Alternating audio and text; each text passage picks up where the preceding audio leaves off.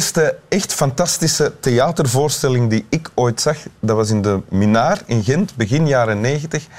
Die voorstelling heette De Nijl is in Cairo aangekomen van Compagnie de Koe, waarvan ik toen nog niet wist wat het was. En ehm, die voorstelling heb ik ervaren als fantastisch, zoals ik net zei, omdat het spannend was, van begin tot eind. Het was heel grappig. Maar ook meer dan dat, het was ook verbazend en, en gevaarlijk. En er waren twee acteurs die de voorstelling gemaakt hadden en speelden. Dat was Frank Fokketijn en Peter van den Ede. Peter van den Ede is, daarom begin ik hier ook over natuurlijk, vandaag in Winteruur mijn en Boris, apostrof, gast. Ja. Dag Wim. Hallo. Dag Peter. Ja, ik zat nog even na te genieten van mijn inleiding. Die kwam Ja, er zo eh, prachtig vlot en, En toch dat- snel met energie uitgerold, ja, ja, vond dat ik. echt, eh, Het was alsof het echt was. Je hebt ook zitten genieten waarschijnlijk. Ja, dat kan ik me voorstellen. Peter van den Ede... Ja, Ik ben ondertussen ook naar uw voorstellingen komen kijken nadien. En Ja. Zo hebben we elkaar leren kennen. Zo we elkaar leren kennen. Pardon. Peter van den Ede, acteur natuurlijk. Onder andere bekend voor wie nu zit na te denken van ah, waar ken ik die kerel van? Van, van Vlees en Bloed en eh, Terug naar Oosterdonk. En nog wel wat andere films en tv-series en voorstellingen in het theater natuurlijk. Ehm voilà. Ja. Dus ik zal maar eens gaan beginnen lezen. Ja. Dus ik heb een, eh, een gedicht van mijn vader gekozen. Ehm, Dat je uit een kaft haalt met Ja. va erop. ja, ja, ik zei altijd va tegen mijn vader. Ah, is het waar? Ja. Kijk, va. Va.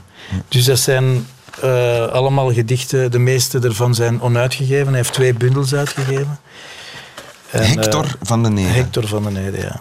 Oké. En dit is een gedicht dat hij dus niet heeft uitgegeven. En dat hij ongeveer 50 jaar geleden ge- geschreven heeft. Mijn vader is dit jaar 30 jaar geleden gestorven. Midwinterdroom. De velduil schreeuwt, de vriesnachtdraden trillen. Binnen het huis ligt de wereld stil. Alleen het roofdier buiten kan willen. Maar het hart kan zichzelf niet stillen, los van de vriesnachtdraad van de wil.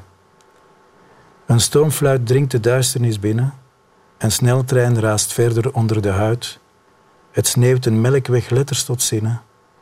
Het netvlies wordt als een magisch linnen, met Orionlaag in een vreeslicht eruit. De mens begeeft, de slagboom staat wijd open. Godzeeën glinsteren van koud kristal. De maan zeilt aan haar maximumknopen, als een eenzaam schip door het heelal.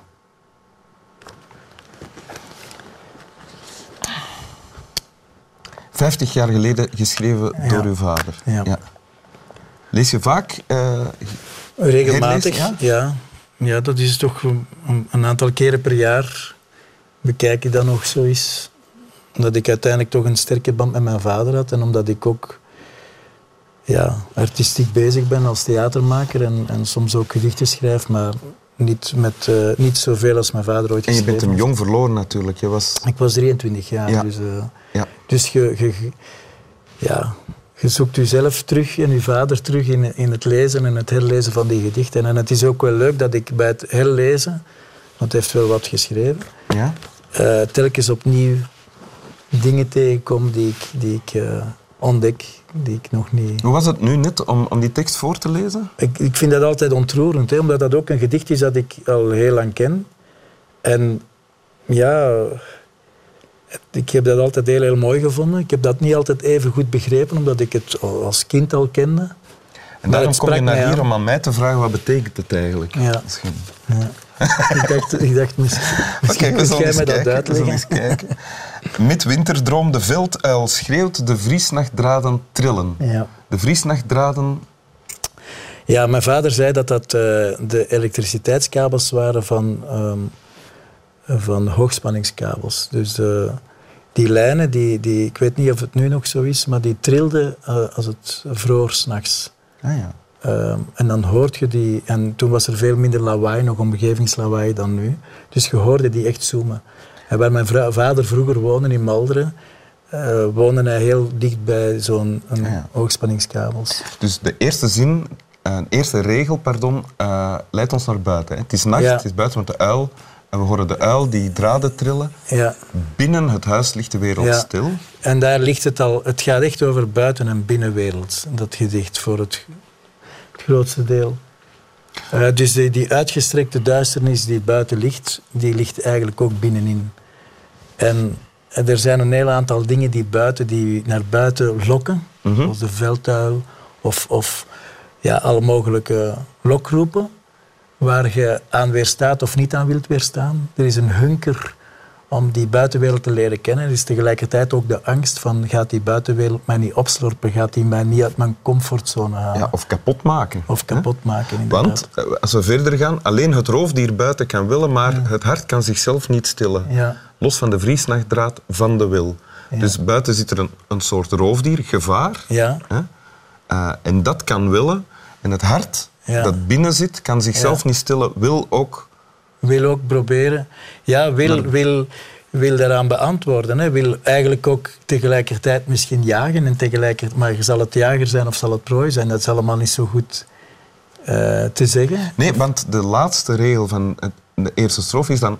Het hart kan zichzelf niet stellen, los van de vriesnachtdraad van de wil. Dus het hart staat in verbinding met die vriesnachtdraad. Die, die lijnen moet je dan ook, denk ik, zien als, als uh, ja, contactlijnen, als, als uh, zenuwsbanen eigenlijk. Als het, de verbinding tussen, tussen ons allemaal, of tussen de natuur en uzelf, en tussen ja, alle elementen uiteindelijk. Ja. Die, ja. Uh, en dan ja?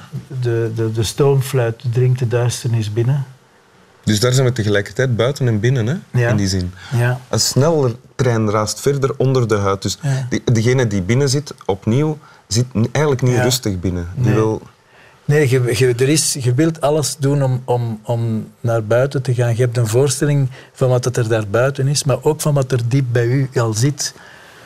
Diep binnenin in uw eigen, in uw eigen duisternis. Ja. En, en ehm, ja, het is die, die- dus je wilt daaraan beantwoorden en, en, en je durft niet. Je, je hebt tegelijkertijd roept het alle mogelijke beelden op. Wat, het sneeuwt de melkwegletters tot zinnen. Het netvlies Wordt als wordt als een magisch... magisch linnen met orionlagen en vrieslicht eruit. Dus het, het, ehm, het is een beetje als een, als een, als een doek, als een, een wit doek waarop je van alles projecteert.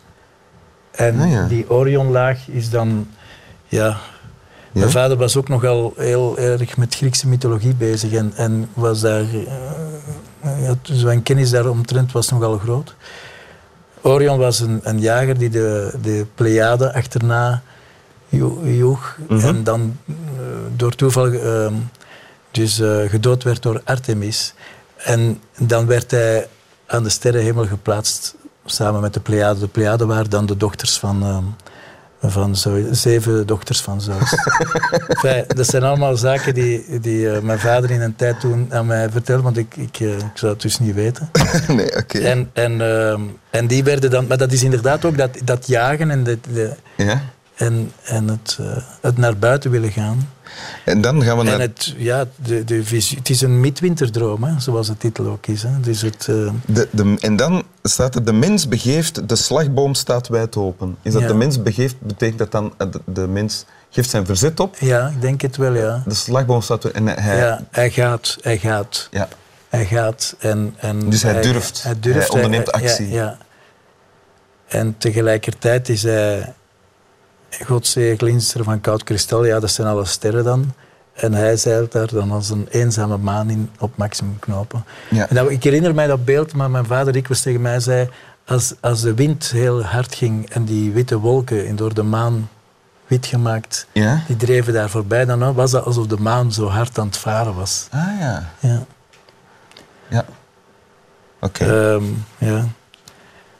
Maar het is inderdaad, het is, het is een. ehm, het, het is, het is, tegelijkertijd eh, eh, roept dat gedicht veel eenzaamheid op en tegelijkertijd ook verbondenheid. Ja. Maar een soort verbondenheid die je nauwelijks verwoord krijgt. In, hij is in, in de hoop dat anderen ook voelen of horen of, of zien wat hij ziet, roept hij een aantal beelden op. Ja. En dat is wat een dichter dan doet. en wat jij ook probeert te doen, denk ik, Ja. als je een voorstelling maakt. Toch? Inderdaad, ja. Wil je het nog eens voorlezen voor je het wegsteekt? ja. Nog niet gedaan, hè? Midwinterdroom. De velduil schreeuwt, de vriesnachtdraden trillen. Binnen het huis ligt de wereld stil. Alleen het roofdier buiten kan willen. Maar het hart kan zichzelf niet stillen, los van de vriesnachtdraad van de wil. Een stoomfluit dringt de duisternis binnen. Een sneltrein raast verder onder de huid. Het sneeuwt een melkweg letters tot zinnen. Het netvlies wordt als een magisch linnen met Orionlaag in een vreeslicht eruit. De mens begeeft. De slagboom staat wijd open. Godzeeën glinsteren van koud kristal. De maan zeilt aan haar maximum knopen als een eenzaam schip door het heelal. Dank u wel, Hector van den Ede. Dank u wel, Peter van den Ede. Dankjewel, Wim Helsen, om mij uit te nodigen. En graag gedaan. En slap wel, mensen thuis.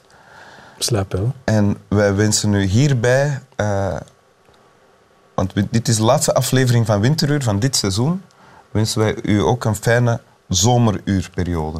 Ja, Dus een fijne lente en zomer. ja. En dat doen wij Met heel ons hart. met heel ons hartje. Ja. Heel ons kwetsbaar klein hartje.